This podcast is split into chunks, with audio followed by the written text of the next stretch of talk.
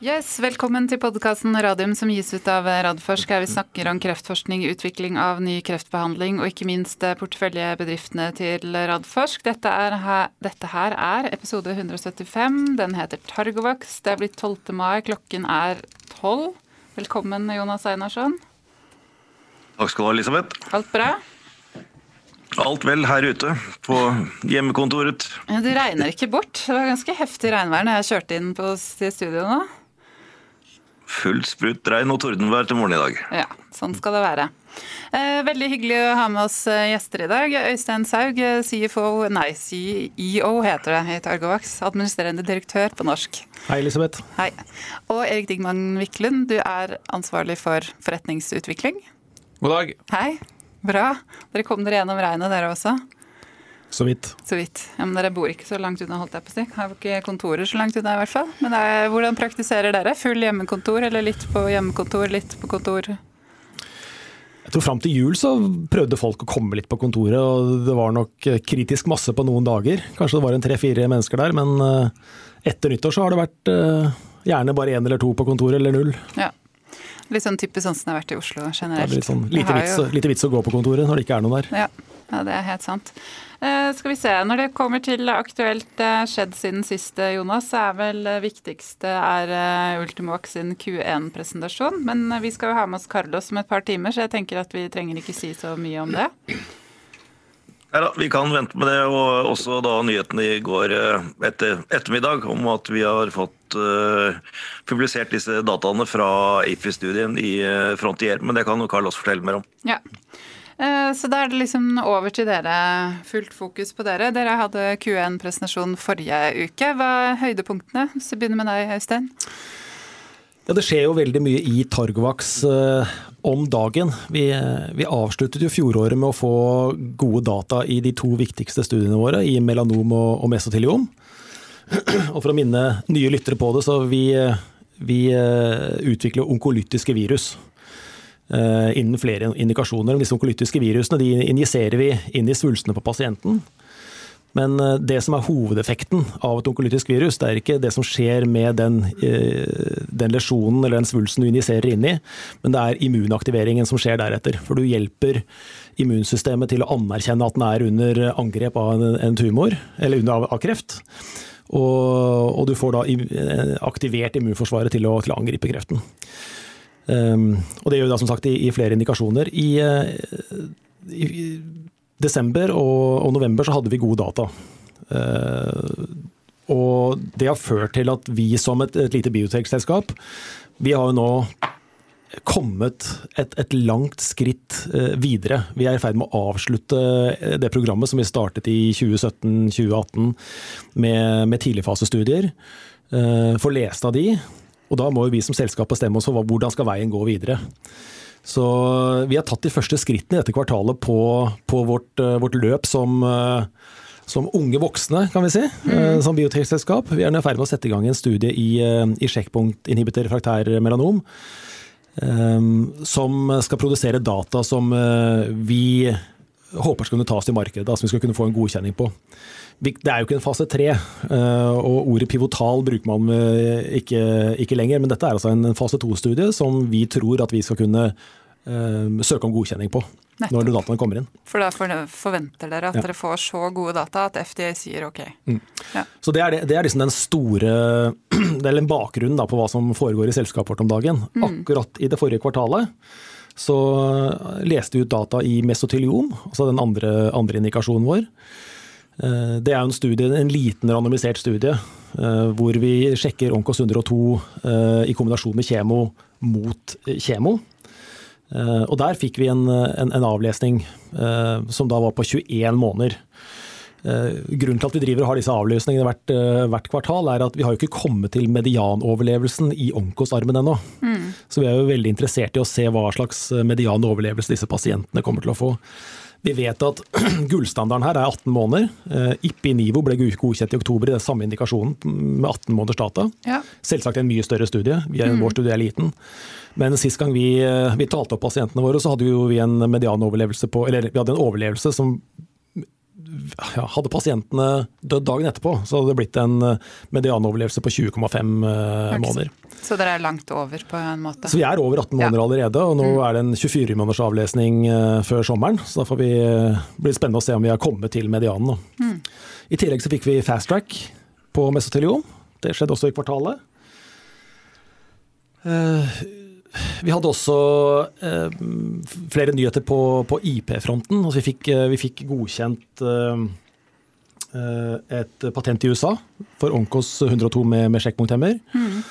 Og på TG, på vår peptidvaksine mot mutant ras, så var det en, en, opposisjon. altså Det er et selskap, vi vet ikke hvem, som, som har opponert mot patentet vårt og vil ha det ugyldiggjort. Ja.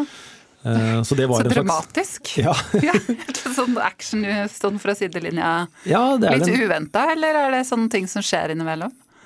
Det, vi har vel sett at den har kommet en stund. Ja. Eh, men eh, det er, nok, det, er nok, andre selskaper som har tenkt å gjøre varianter av det vi har gjort. Mm. Basert på de dataene vi fikk med, med TG01 i, i, i pankraskreft. Mm. Akkurat hvem det er vet vi jo ikke. Men men i hvert fall der vant vi på alle, alle fronter. Da. Så ja. det, det, ble slått tilbake, og, og det, det potente det, det står som, som, før. Så bra. Videre i kvartalet så fikk vi et nytt styremedlem, Sonja Quaratino. Eh, som er eh, CMO i Kaimab, eller nå har de blitt kjøpt opp av, av Sanofi, så nå, nå, er hun der. Så hun er, en, hun er, den i vårt styre som har den eh, kliniske bakgrunnen. Eh, og i tillegg til det så var det Ja, vi hadde en nyhet på Papyrus, et av våre, våre nye kollaboratører på å lage eh, nye onkolytiske virus. Mm. Uh, vet ikke Erik kanskje si noen ord om det? Ja, Papyrus er et selskap som utvikler et protein som fungerer som en kinasehemmer. Kinasehemmere er jo en klasse med drugs som har hatt veldig stor suksess i mange typer kreft, som inhiberer overaktive kinaser. Og det Papyrus har, at de har oppdaget et, et protein som agerer oppstrøms for disse her eh, naturlig, men som ofte er skrudd av i kreft. Så tanken er å bruke Onkos til å levere dette proteinet OPSML heter det, direkte inn i, inn i svulsten mm. på, på, kreftpasienter. Som gjør at vi da både har onkolysen og immunaktiveringen som man får med Onkos, men også parallelt vil ha en, eh, en effekt på, på tyrosinkinaser som er en validert metode for å slå ned kreftceller. Mm. Så det er noe vi syns er veldig interessant vitenskapelig, og åpenbar synergi mellom, mellom OPC, OPCML og Onkos.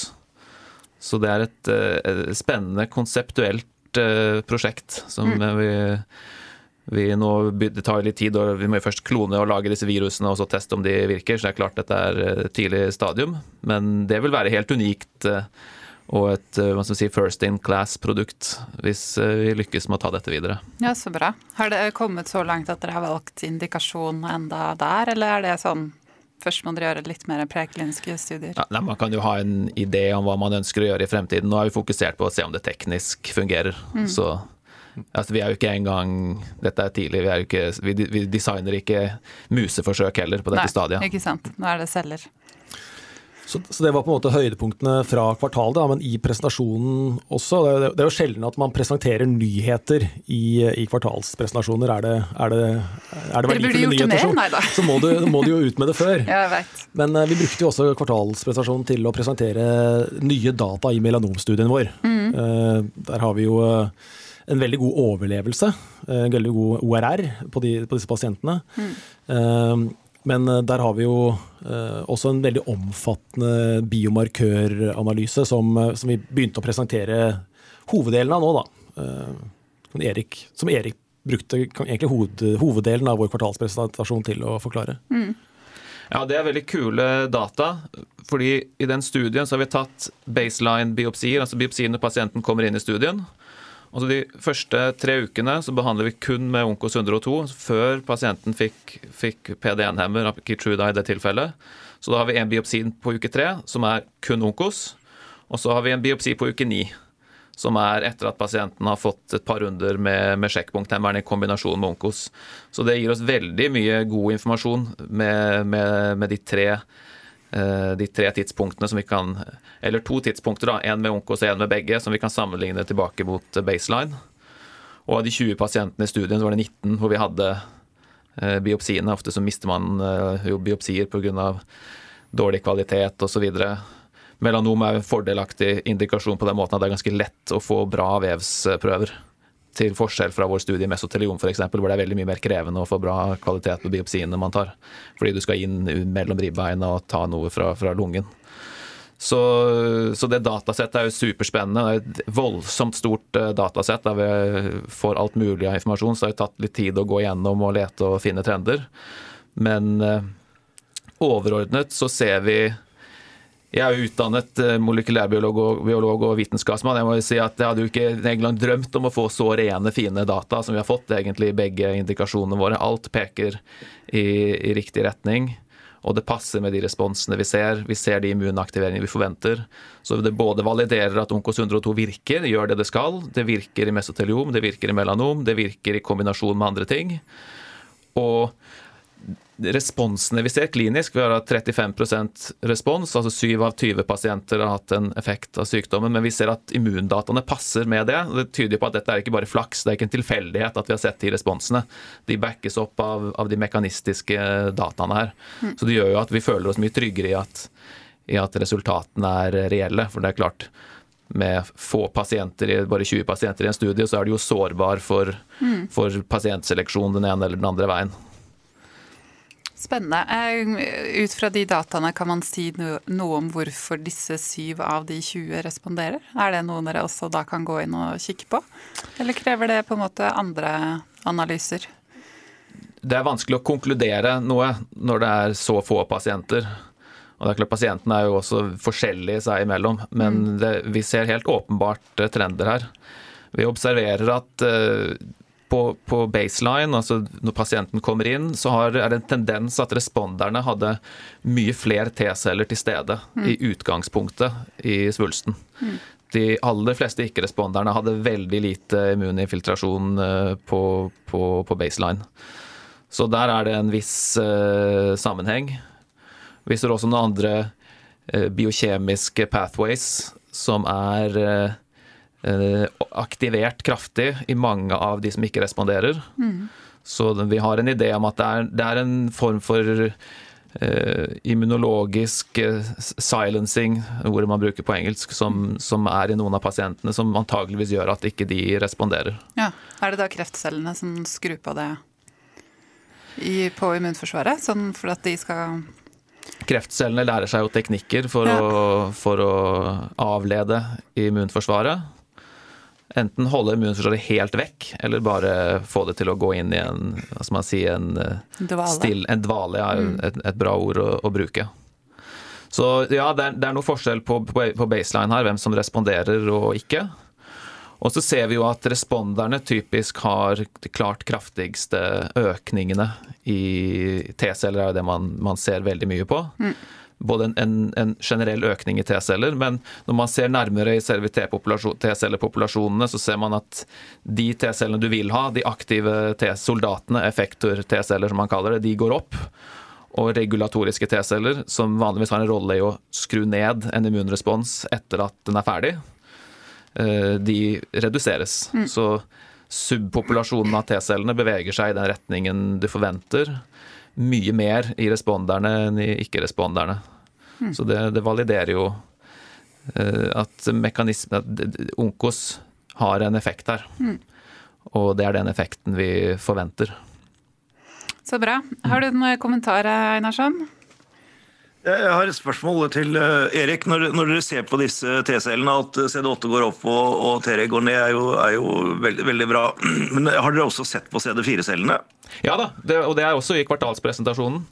Så øh, vi ser mønsteret helt likt, egentlig, mellom CD8 og CD4. Øh, de beveger seg ganske synkront. Og typisk de Så er det noen pasienter som kanskje har en kraftig økning av den ene og litt mindre av den andre, men, men det er få tilfeller hvor dette ikke beveger seg parallelt. Vi er jo den oppfatning at du trenger begge populasjonene for å få en effektiv, uh, effektiv respons. Og, og, det er det vi også observerer. Ja, det var det, det, var det svaret jeg ønska meg, og det, det, er hele poenget mitt. For Det har jo vært en evig diskusjon med dette, og, og veldig lenge et veldig fokus på CD8-cellene. og De må du selvfølgelig ha. Men viktigheten av CD4 har vært, vært, diskutert, og nå kom det faktisk en veldig spennende artikkel som kom i MDPI bare for noen få dager siden, som nettopp omhandler viktigheten av CD4. Og ikke bare som sånn løytnanter og kapteiner, men at de også faktisk har en drepereffekt direkte. Så Det er, det er veldig, veldig, spennende nye data som underbygger det vi, vi har sagt, da, både i Targovax og andre selskaper, at uh, det hjelper ikke å sende bare CD8-celler. Du må ha med et samspill mellom CD4 og CD8. Så Det syns jeg er spennende, spennende, ny forskning. Ja, Det er jo helt riktig. og Det er jo også en, et, et, komplekst samspill her med masse andre celletyper samtidig. Og, og typisk beveger flere seg i, i samme retning. Også makrofager er også en type celler som har både proinflamatoriske og antiinflamatoriske eh, funksjoner, og, og du, du, ønsker den ene og ikke den andre til, til stede. Og, ja. og, Får du feil type cellepopulasjon, så ender du bare opp med å skru av de CD8-erne med en gang. Så da nytter det liksom ikke å få ja. dem inn, for de rekker ikke å være aktive. Med mindre resten av mikromiljøet inni svulsten er, er favorabelt. Ja. Et annet, et annet, spørsmål, eller bare en sånn uh, oppfriskning uh, på inklusjonskriteriene for, uh, for, pasientene i den studien i forhold til tidligere behandling med, med Ruda eller, eller annen immunterapi. Hvilke pasienter vi har igjen i studien? Så, ja, hva, hva måte, Hvilken type behandling har de fått fra før? Alle pasientene har hatt en anti-PD1 sjekkpunkthemmer de aller fleste Pembro, pembrolizumab, altså Keytruda, og noen hadde Nivolumab. Så alle har hatt det. Og så er det noen av dem som i tillegg har hatt en, en CTLA4, altså da ipilimumab i det tilfellet her, Eurovoy. Det gjelder omtrent halvparten av pasientene. Og halvparten av dem igjen, så ca. fem, har hatt kombinasjonen av CTLA4 og PD1. Så det er, det er litt blandet drops der, men fellesnevneren er at alle har hatt en PD1-hemmer. Og så har de i tillegg ofte hatt andre ting. Uh, en del av, jeg tror fire av pasientene har hatt Tivec. Det er interessant. Det er et onkolytisk virus, det som er godkjent fra Amgen. Så fire av de 20 pasientene har fått tidligere behandling med Tivec. Av de fire så var to hadde respons, og én hadde stable disease og bare én progressor. Så det er jo ganske kult da, at vi faktisk klarer å få responser i pasienter som både har fått onkolytisk virus og PD1-hemmer tidligere. Mm. En annen ting vi ser er Grunnen til at jeg Grunnen til at jeg spør, er at det, dette er så viktig å få frem. At dette er den pasientgruppen som hvis man skal sammenligne med andre historiske studier, så må man sammenligne med pasienter som har vært igjennom behandling, og ikke sammenligne f.eks. med, med, med keynote-studier eller altså der hvor de er, er eh, immunterapi naive før man begynner det. det, er, eh, det er, jeg har fått noen spørsmål om det, så ja, det er liksom bare viktig å oppklare det. Det er jo en helt fundamental forskjell her vel, man kan diskutere hva du, du forventer kanskje noe bakgrunnsresponser her, men det er i hvert fall under 10% som du kan regne med at du vil få bare av å, eh, å behandle på nytt med en PD1-hemmer. Definitivt ikke 35% Og dessuten så ser vi jo at vi genererer jo immunresponser først, sånn at den effekten kan jo attribueres i egentlig hver eneste pasient til ja. en immunologisk effekt som er, er, gjennomført av Onkos. Men ja, det er klart at ser du på førstelinje melanombehandling, hvor man kommer inn med, med sjekkpunkthemmere, så er jo responsraten i første linje typisk 50% eller mellom 40 og 60, litt avhengig av hvordan man gjør det. Mm. Så det er klart, dette, dette er jo en, en, en sykdom hvor immunterapi funker veldig bra. Men alle de som ikke har en, eh, har en, ordentlig solid respons først, de, de, har da ikke et alternativ. Det er de vi behandler igjen for å se om Onkos 102 kan, kan drive frem effekt da, i mm. de pasientene hvor monoterapi med sjekkpunkthemmer ikke fungerte. Så, så det, du forventer egentlig null her. Alt, alt er bra. Det er ingenting som er godkjent. Nei, ikke, ikke, ikke, sant, men det, det, er, det, er, viktig å understreke det gang på gang, sånn at det ikke går i glemmeboken. For det er mye, mye som foregår innen feltet, og, og man kan lett bli forvirra av at man eh, behandler i forskjellige linjer og i forskjellige kombinasjoner. Så akkurat det poenget med at her forventer man egentlig ikke noen effekt. I hvert fall under 10% Og så da det.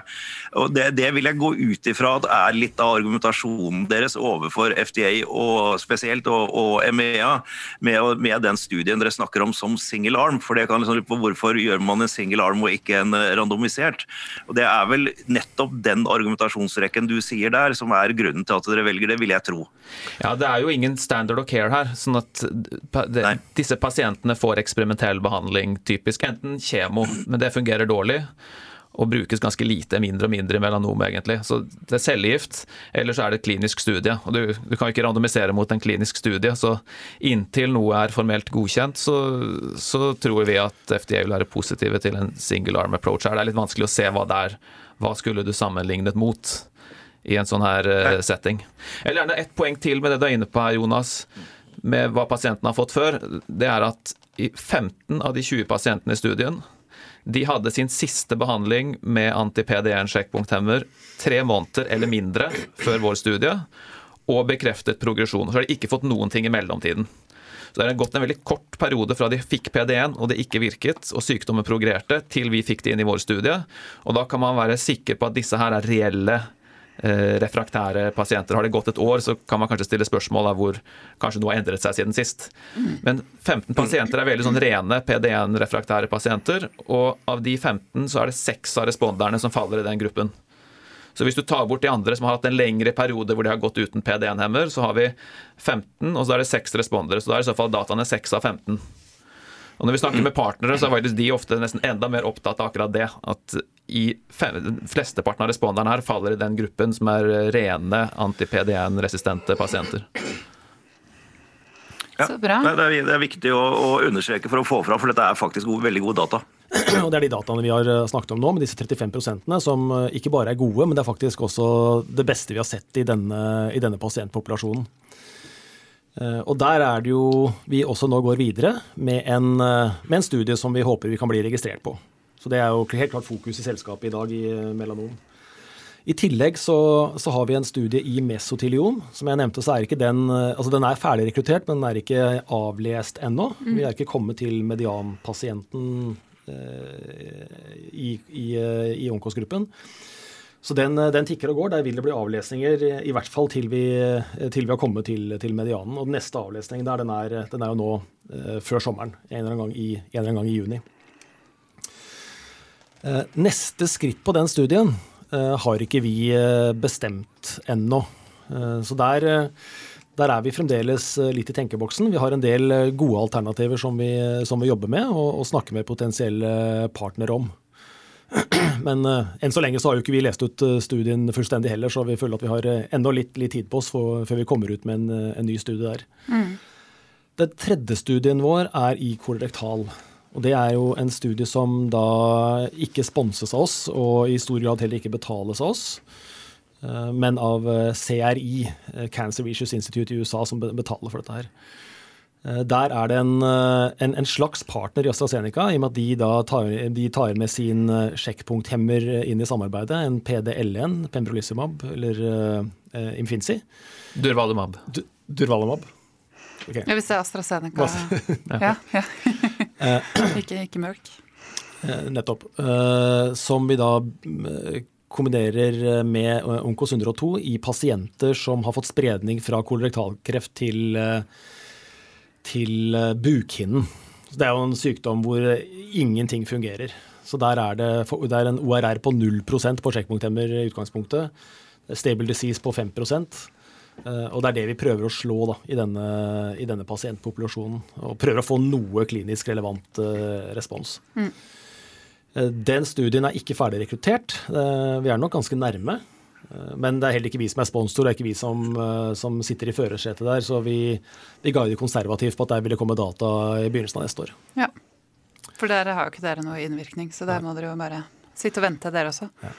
Det som er en liten joker, da, i tillegg til Onkos 102, det er jo TG, mm. mutant ras eh, pepidvaksinen vår, som, som, vi har utviklet. Vi har tatt gjennom en 31, eller 32, 32 pasients fase 2-studie, enarmet. Eh, der eh, forsøker vi å, å, skape mer data, kjøre flere studier sammen med partnere. Mm. Da akademiske partnere eller kommersielle partnere. Og der har vi solgt en lisens på en, eller solgt en opsjon på en lisens til en kinesisk partner. Der tar ting tid. Mm.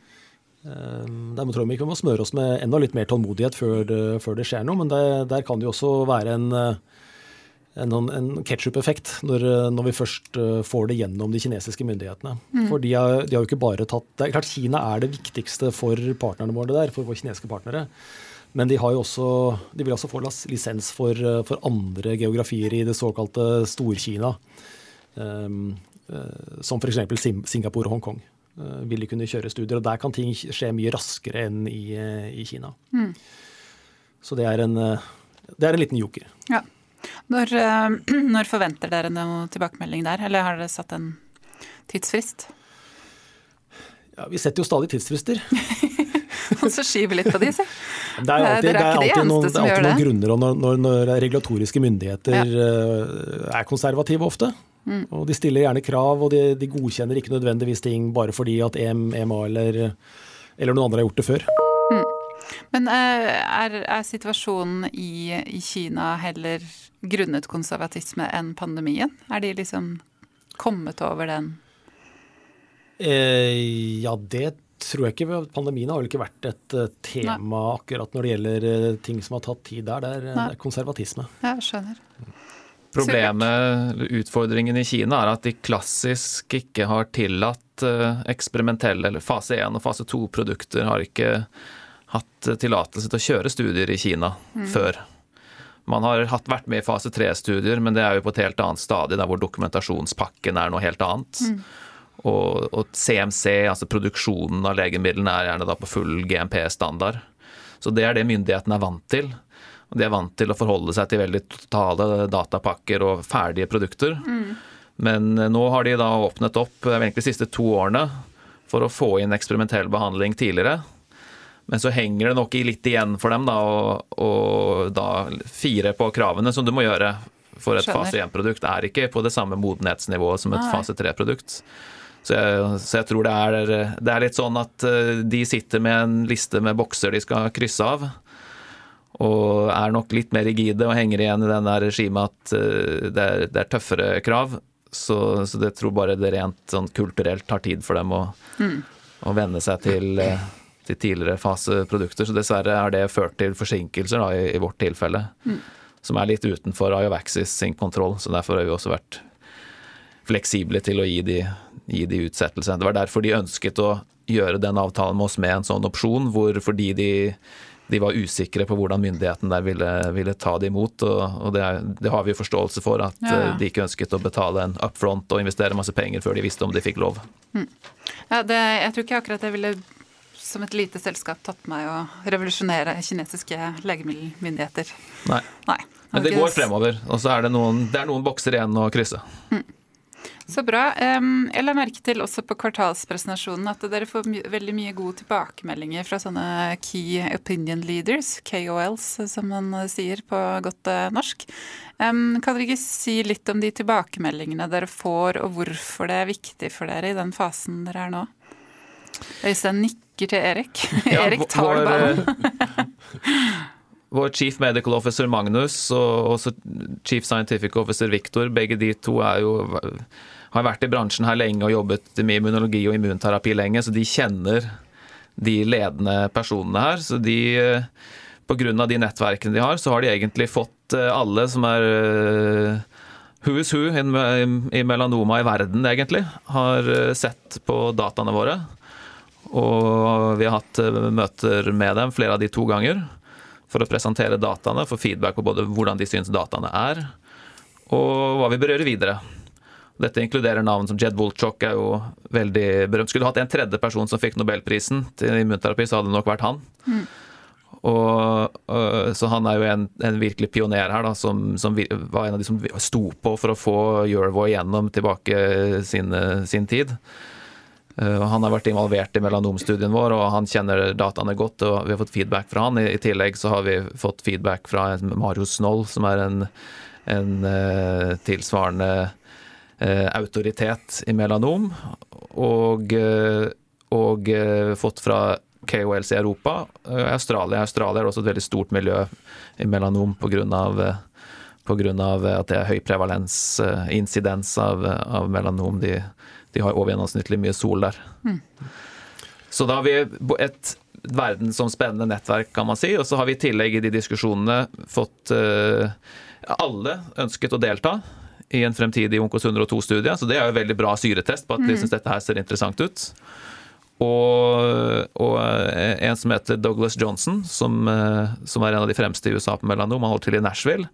Han har tilbudt seg å være PI på, ja. på, neste studie. Så nå har vi også et skikkelig solid navn da, som, som PI på det vi, det vi planlegger videre.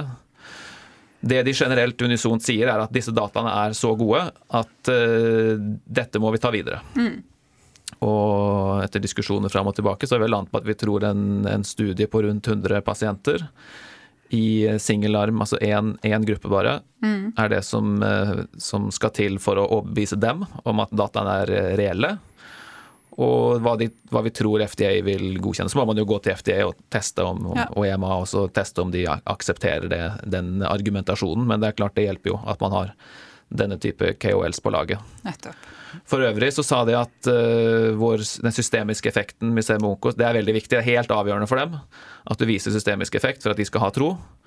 Og generelt så sa de vel at uh, de, de syntes det vi hadde sett så langt var bedre enn de hadde forventet. Ja fra, fra et sånt type produkt som, som Onkos. Det siste som egentlig kom opp eh, som var litt overraskende på, så er at de alle synes at vi i tillegg burde vurdere å kombinere med, med PD1 og CTLA4 sammen. Mm. Så kjøre Onkos pluss to sjekkpunkthemmere parallelt.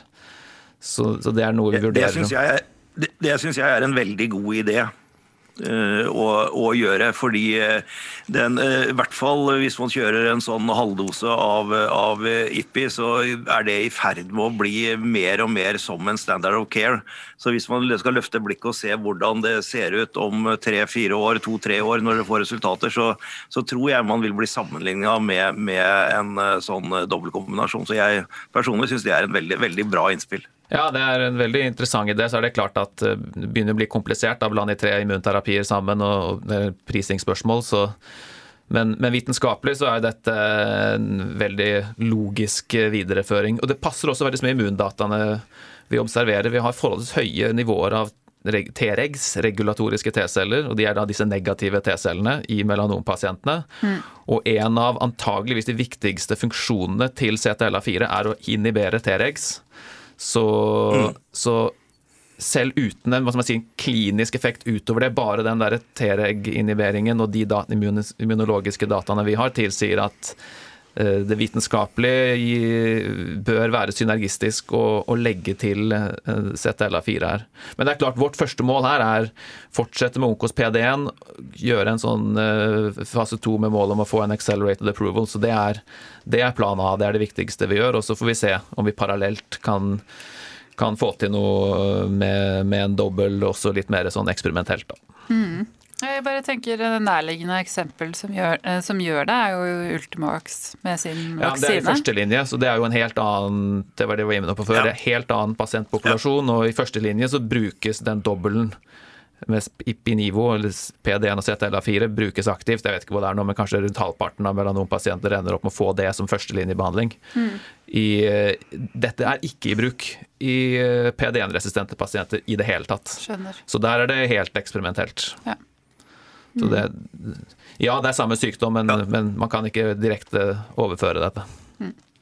Nei, det er jo et veldig, veldig, veldig, veldig, godt poeng, det. da. Jeg, jeg, jeg ser den. At det, det er og, og, det er vel kanskje heller ikke, det vet dere sikkert mer om enn meg, men det ser heller ikke noe som tyder på at det, at det i, i, løpet av nærmeste fremtid uh, blir en, en uh, behandling der. For det som du sier, det er jo ingen standard of care i de pasientene dere, dere er i. Nei, og så har det vært gjort studier med IPI, altså CTLA4 monoterapi, ganske mye data på etter hvert i den der post-PD1-populasjonen, og der er det veldig, så å si ingen effekt av, av, av, IPI alene. Mm. Så den, det er bare i tilfelle du har en vitenskapelig, altså mekanistisk grunn for å kombinere det, ellers er det vanskelig å se at, at eh, PD1 CTLA4 skal komme inn og gjøre noe stor du vet at pasienten er refraktær til PD1, og CTLA4 virker ikke i seg selv. Mm. Så det er eh, at de to sammen eh, skal være det som virkelig eh, leverer varene for de pasientene, det fremstår usannsynlig. Mm. Men selvfølgelig i kombinasjon med Onkos 102 så er det noe helt annet.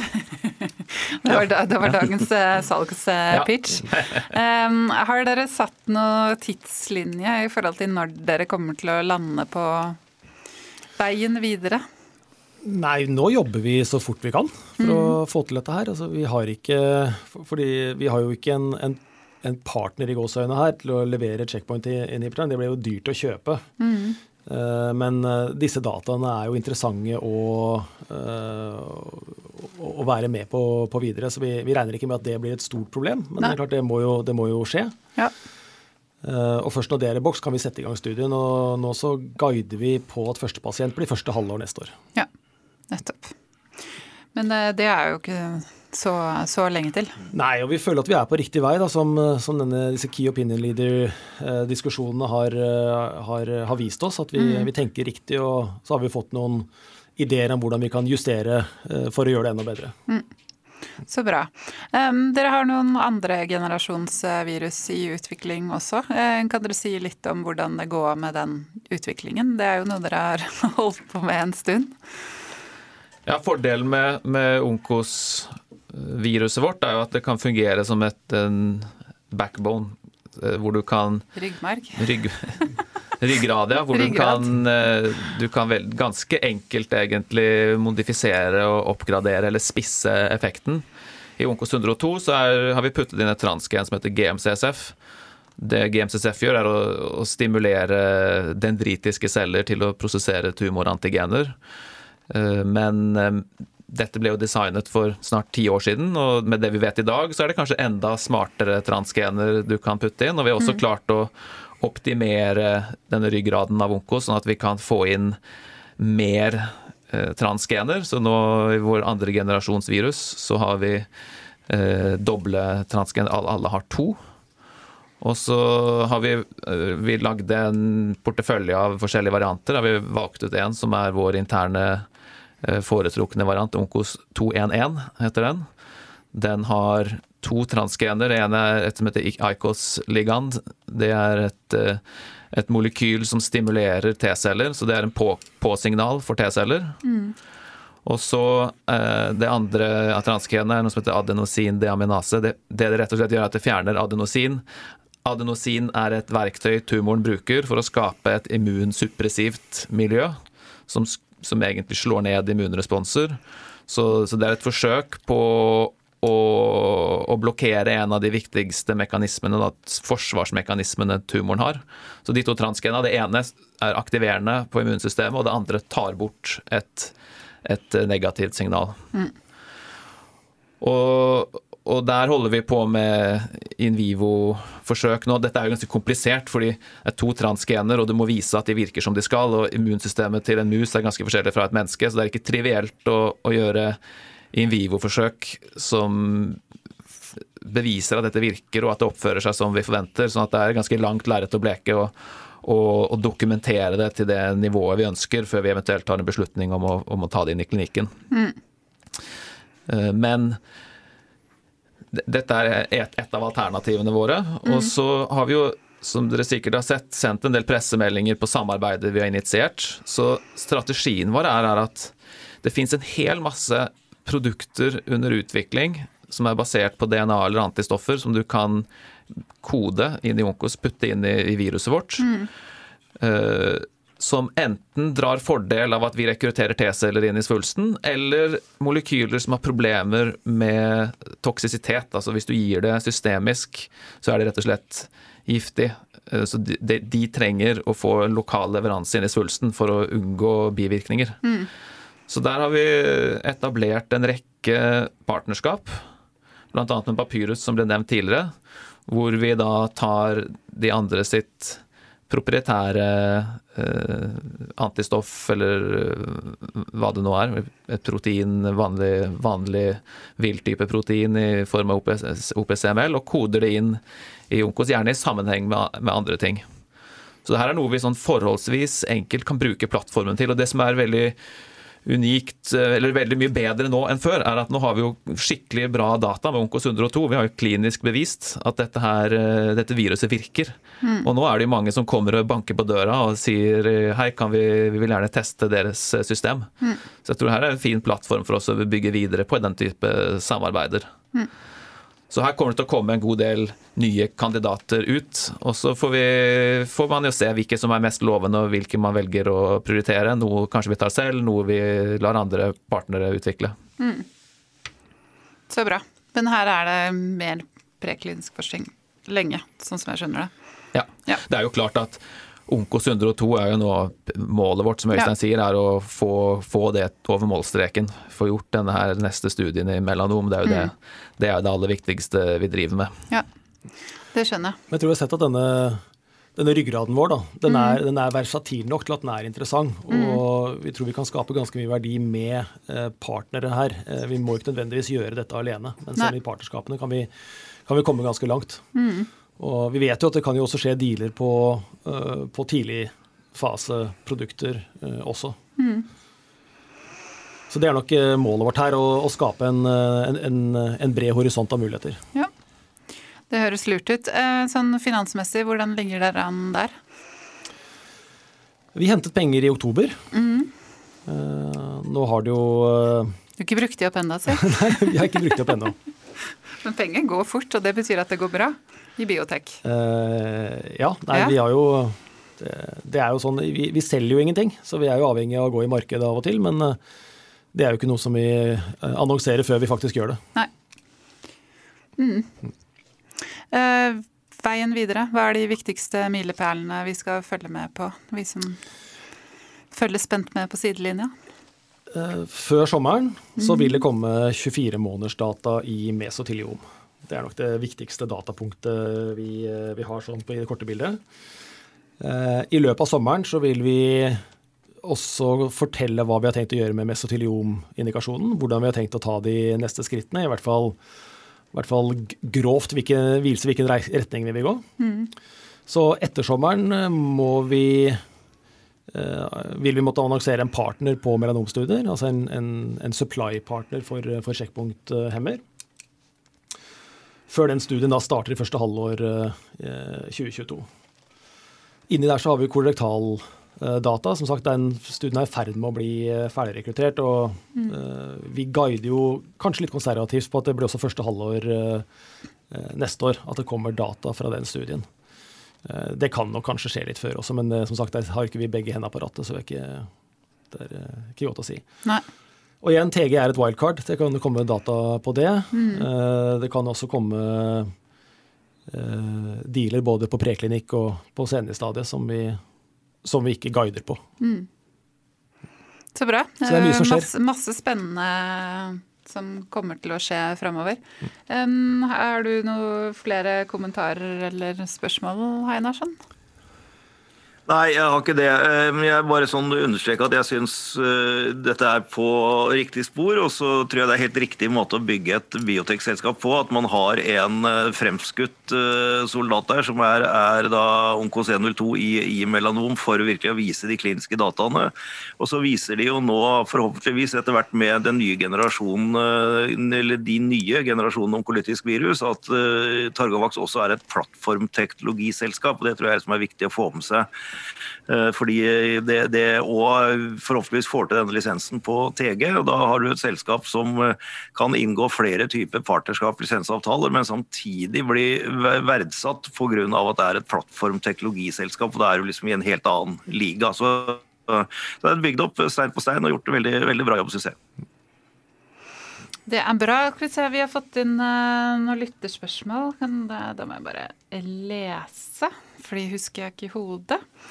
Eh, nå er det avlesning av median overall survival i mesotelioma neste uke. Hva er veien videre for denne indikasjonen, hvor dere allerede har overlegen, overlegen median overall survival og fast track destination? Det har dere ikke snakket noe særlig om. Kan dere snakke litt om hva som kan være naturlige alternativer videre?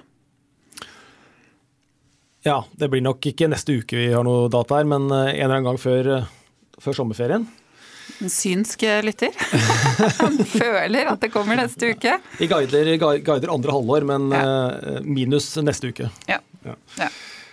Nei, vi har jo snakket litt om, det, litt om det i dag. For oss så Dette er jo noe vi har snakket mye om før. Eh, vi, vi, for et år siden og to år siden så flagget vi at det var mesoteliom som var vår fremste indikasjon, og var der vi ville gå videre. Mm.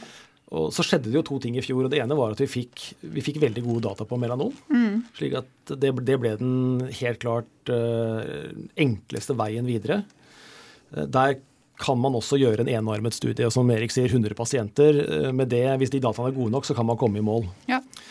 Eh, på mesoteliom så var det kanskje også noe vi trodde på for et år siden, men så ble jo Ipinivo godkjent i oktober, og da mm. ble det vanskeligere å gjøre en liten studie og få godkjenning på. Det ble faktisk da umulig. I og med at det er en ny standard of care, så må man jo da lage en, en randomisert studie mot standard of care. Ja. Det blir en større studie, den blir dyrere studie, den vil ta mye lengre tid hvis man skal gå i førstelinja. Mm. Kanskje for å trekke inn det han spurte om eh, Jonas før programmet her at i melanom så ser vi på PD1 refraktære pasienter, altså siste linje, terminale pasienter uten alternativ. De har ja. brukt opp alle behandlingsalternativene som fins. Mm. Mens i mesoteliom så er der vi har disse gode dataene våre i førstelinje. Og det er klart det er jo kommersielt attraktivt å være førstelinjeforsvaret, første medisinen som blir gitt. Mm. Men det gjør også at bevisbyrden er mye høyere, fordi at der er det etablerte standardbehandlinger som eh, har en definert effekt, og der er det ingen annen vei til mål enn å randomisere mot dem og vise en forskjell. Og så I tillegg er det nå ytterligere komplisert av at man har fått en ny standard of care som har blitt godkjent, og det er litt usikkert hvordan opptaket av den blir. Og det har vel egentlig Det var kanskje det største utfordringen for oss, at vi, vi vanskelig å si om cellegift skulle fortsette å være dominerende, eller Ipinivoen skulle være forskjellen mellom Europa og USA. I høst så var det jo bare FDA som godkjente dette. Mm. Men eh, det vi ser nå, er at Ipinivo-kombinasjonen blir tatt opp mye fortere enn vi trodde. Mm. Og både i USA og EU. Man har begynt å bruke det i EU før det ble godkjent. Mm. Og nå kommer godkjenningen eh, for generelt for all førstelinje mesoteliom i EU også fra EMA for bare noen få uker siden. Så nå er det bildet mye klarere enn det var i høst. Nå er det helt åpenbart at de aller fleste som kan tolerere det, kommer til å få PD1-CTLA4 som førstelinjebehandling, og så blir da Pemetrexed, cisplatin, dobbel cellegift kommer til å bli nummer to.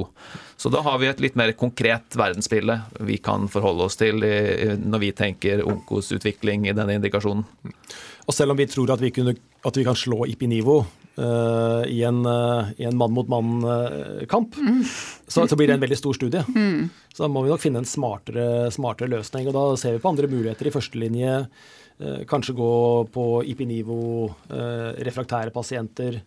Eh, kanskje gjøre andre kombinasjoner. Ja. Eh, så det er, det er, det vi vurderer. Men eh, vi, vi, har noen gode ideer. Ja. Så bra. Skal vi se, skal vi bare sjekke. Vi hadde fått inn et spørsmål til. Uh, skal vi se. Uh, hypotetisk sett, hvis et selskap har et produkt som fører til overlegen overlevelse i en vanskelig indikasjon, kan det da være aktuelt for Big Pharma å overta dette før endelig overlevelsestall er nådd? hypotetisk? Ja, vi snakker rent uh, hypotetisk. Driver ikke med spekulasjon i denne podkasten. Det, det, har jo skjedd før. som driver med det, da. men... Nei, ja, eh, Saugen har vært med på dette før, så jeg tror det egentlig er svar, svar godt nok. ja, nei, yes, det, man, det, det, med Big Pharma, de som kjøper biotekselskaper, mm. de er jo veldig vanskelig å å, skjønne hvordan det foregår, hva som er de, de, de, logiske, rasjonelle driverne bak de oppkjøpene. De er jo mennesker, de også. Ja.